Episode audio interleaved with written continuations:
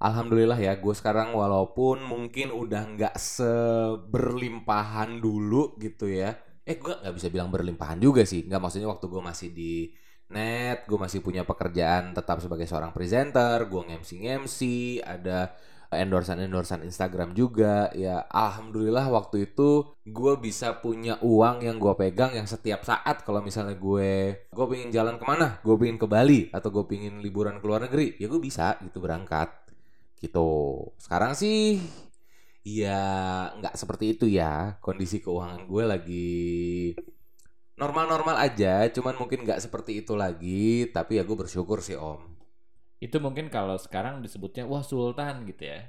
Kalau dulu belum ada kata-kata sultan. tuh. belum ada Belum ada. belum ada kata-kata sultan Mm-mm. gitu tapi ya sekarang gue mungkin nggak bisa jadi gue yang kayak dulu lagi nggak mau juga jadi gue yang kayak dulu lagi karena gue bisa bilang dulu gue bukan orang yang bijak mengatur keuangan tapi sekarang gue bersyukur dengan kondisi keuangan gue yang pas dengan gaji yang gue punya dengan pemasukan tambahan yang gue punya ya alhamdulillah gue bisa hidup tenang dan nyaman. Kan itu yang penting bukan? Betul, semuanya pas.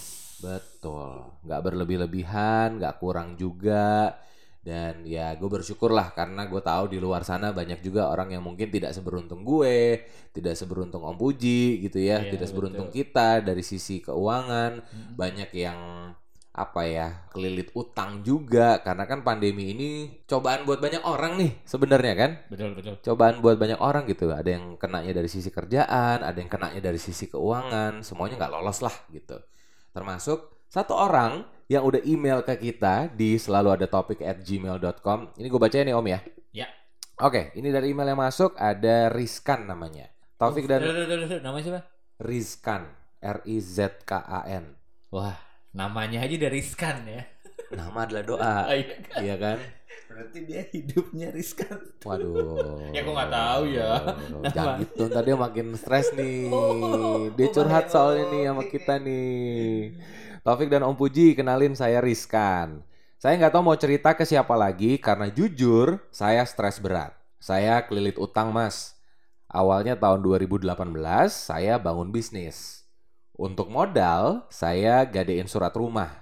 Bisnis saya awalnya berjalan lancar sampai akhirnya pandemi. Bisnis saya mandek semua dan akhirnya saya harus mutusin buat mengurangi beberapa karyawan dulu awalnya. Karena kondisi nggak kunjung membaik, akhirnya saya memutuskan buat tutup. Sekarang bisnis saya ninggalin utang hampir 1 miliar, belum termasuk saya harus bayar utang ke bank juga. Saya benar-benar bingung, kalau harus mulai bisnis lagi pun butuh modal juga. Mohon masukannya. Terima kasih. Itu Semangat Mas Rizkan. Taruh dulu nih, Mas Rizkan minta maaf ya. Itu emailnya gue liat dong. Itu jangan-jangan email bos gue tuh. Hah, bos lo? Kan dia bikin bisnis. Heeh. Terus udah gitu pandemi. Heeh. Radio gue kan mati.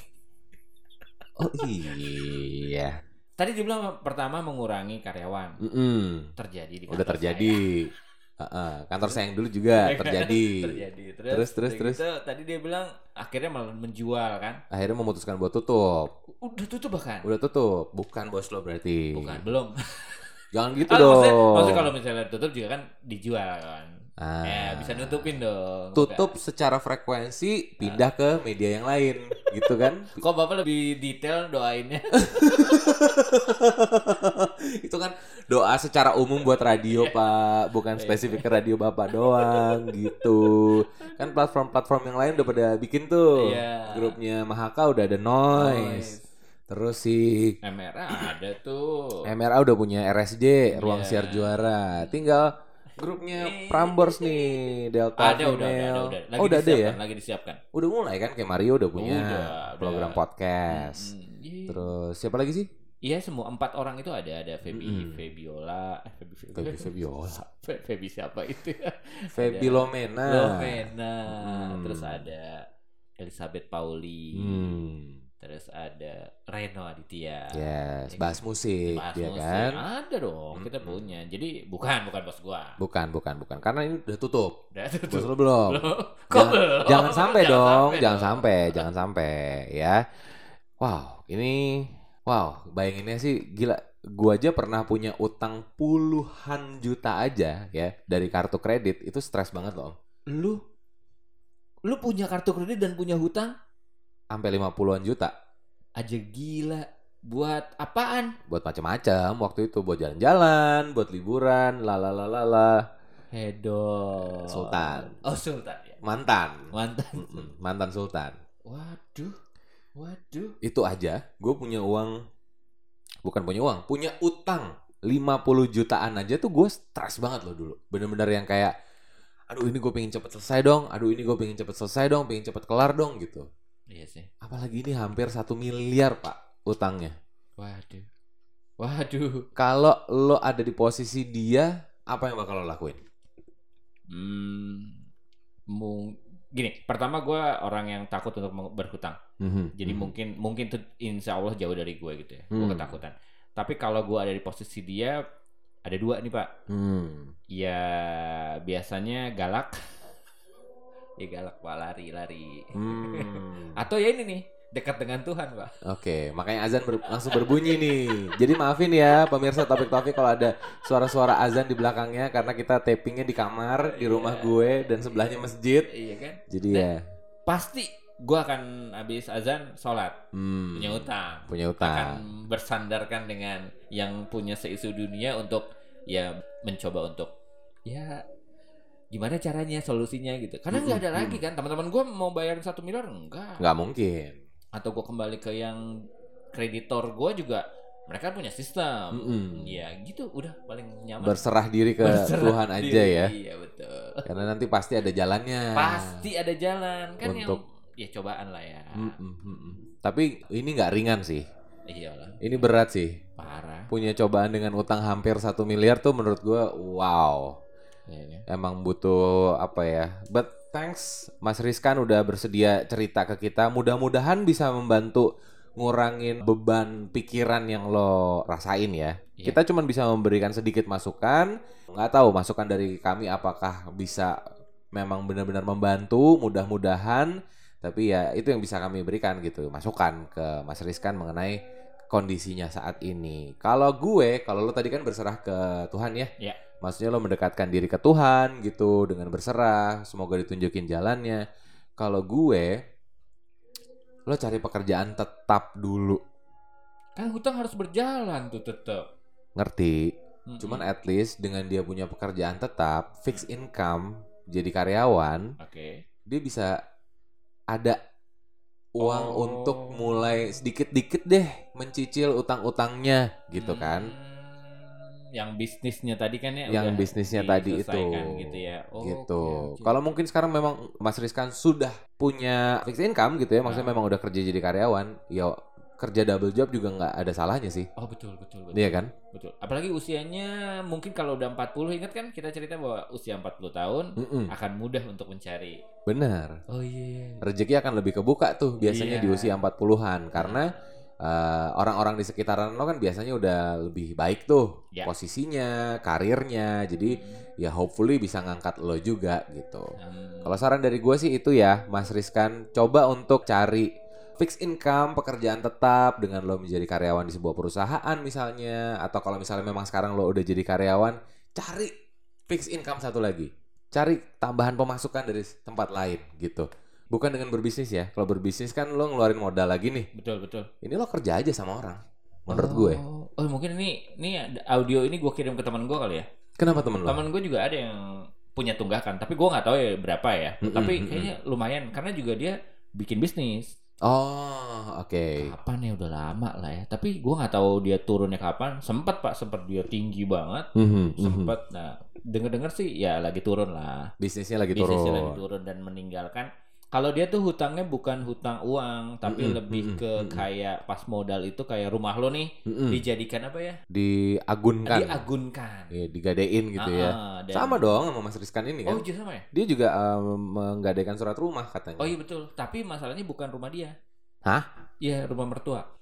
Hah? Iya rumah mertua pak. Enggak, enggak, numpang nanya, seizin mertuanya apa enggak? Oh seizin, Oh, seizin, seizin. seizin. Memang Oke, kan oke. uh, baru mulai kali ya, baru Uh-uh. mulai terus ada opportunity ya dia Mhm, Tapi mhm. kan pada saat itu tidak muter kayaknya dan dia harus mengembalikannya. Hmm. Dan benar yang saran gue itu kenapa gue bilang berserah ya temen gue tuh berserah, sangat berserah. Oh, akhirnya dia jadi mendekatkan diri nih Ya. sama Tuhan gitu. Mm. Sebelumnya enggak?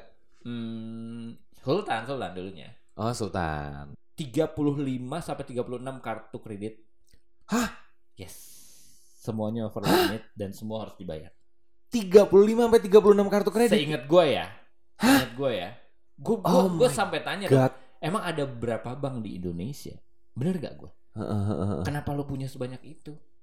Mungkin sisanya Bang Bang Tut, Nah, Bang Gua, ya, kan, apa? apa sih lo sebutin ya yang yang kalau kita ke mall zaman sebelum pandemi kan ada yang nawarin ya. Mm-mm, mm-mm. Itu berapa sih paling banknya itu itu aja kan? Iya, iya, iya. Kenapa bisa 30-an something, 36 sih gue. Berarti semua bank di Indonesia dia punya kartu kreditnya. Oh gitu. Heeh. Dan biasa ke, Dan itu nunggak semua tuh, over limit semua. gue nggak tahu ya cara pembayaran dia. Kami sih kalau misalnya itu kan biasanya kalau lo kartu, gue nggak bukan orang pengguna kartu kredit. Mm-mm, Kalau mm. dia tuh kalau pakai kartu kredit ya udah apa ya ada yang paling bawah bayar itu. Hmm, minimum payment. Minimum payment itu kan ada bunga. Padahal kita udah menyarankan lo di- ditutup. Mm-mm, Tapi karena mm-mm, mungkin ya belasan puluhan tadi ya Mm-mm, mungkin mm-mm. agak kerepotan ya. Repot lah. Itu. Gila, kalau satu kartu dia bayar minimum payment satu juta aja, Nah, Ya. itu dia. 36 juta loh. 36. Baru bayar minimum payment. Tapi kan bisnisnya dulu alhamdulillah dan pekerjaannya juga alhamdulillah. Hmm. Seingat gue juga si istrinya juga kerja ya. Mm-mm, mm-mm, Gitu terus mm-mm. keluarganya juga lumayan. Jadi zaman dulu ya ke afford aja berarti kan Mm, si ketutup aja. 36 kartu kredit itu. 36. Iya. Sekarang? Nah itu sekarang ini dia yang terakhir nggak tahu ya berapa tahun yang lalu gue ketemu sama dia dua setengah tahun yang lalu dia lagi memulai hidup baru menurut dia. Hmm, Dia hmm. hidup baru dia menghilangkan riba dalam hidup dia. Oke. Terus dia tidak sama sekali bahasanya apa ya? Tidak sama sekali berhubungan dengan bank bahkan. Hmm. Jadi dia benar-benar menyelesaikan yang tidak sesuai dengan apa ya mashafnya gitu loh. Jadi Mm-mm, mm. riba no, ini enggak, ini enggak. Mm-mm, Nah, gua mm. nanya dong, Mm-mm. 36 kartu kredit itu gimana? Itu kan riba semua. Ya itu kan riba semua Iya. gitu. Nah, dia pada saat itu gua nggak tahu ya, dia melakukan sidang ke beberapa bank-bank itu mm. dan dia menandatangani dia hanya bisa membayar sekian gitu loh. Mhm. Dan Setuju bang-bang itu? prosesnya dengan- lama.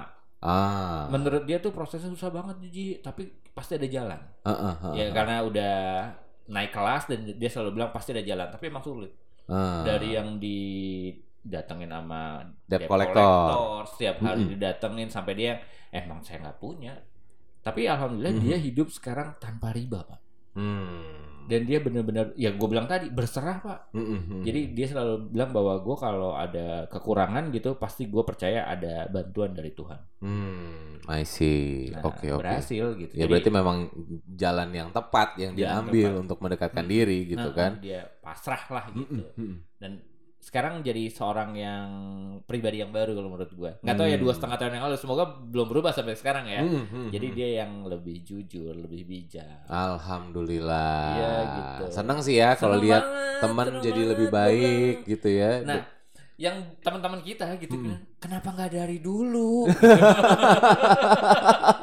sebelum kejadian maksudnya ya kan? Gak bisa pak, emang bisa. emang harus ada pemicunya dulu. Semuanya tuh untuk Oh. berubah yang ekstrim menurut gue ya, Iya menurut gue itu tuh pasti harus ada pemicunya untuk merubah sebuah habit, untuk jadi orang yang baru gitu. Pasti harus ada pemicunya dan itu nggak bukan pemicu yang ringan pasti.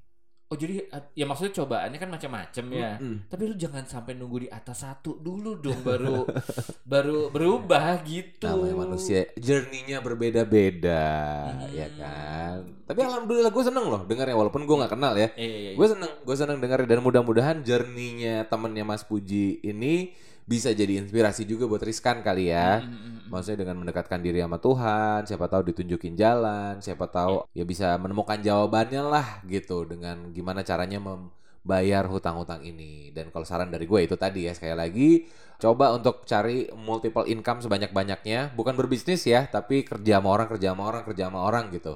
Sebisa mungkin biar cash flow lo tetap bagus dan lo bisa punya spare uang untuk mulai nyicil-nyicil nih, bayar utang-utang yang harus lo selesaikan kewajibannya. Itu Oh, saran dari kami. Betul, betul, betul. Ya silahkan kalau mau diterapkan boleh.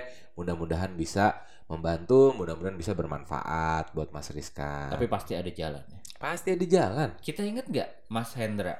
Mm-mm. 700 juta Yo, lebih. ih. Ada jalan untuk balikin. Segala rupa waktu itu dia cerita sama gue mobil dijual Tuh. apa ini itu. Alhamdulillah lunas. Lunas. Hampir satu miliar juga kan itu? Hampir satu miliar. 700 juta. Dan udah bisa bangun lagi kan? Mm-mm. Nah, itu dia. Mungkin Mas Rizkan bisa dengerin episode yang kemarin tuh berapa sih? Episode berapa yang cantik-cantik penipu? Heeh. Eh, sebentar gue cek gue lupa urutannya. Episode nomor 63, topik nomor 63.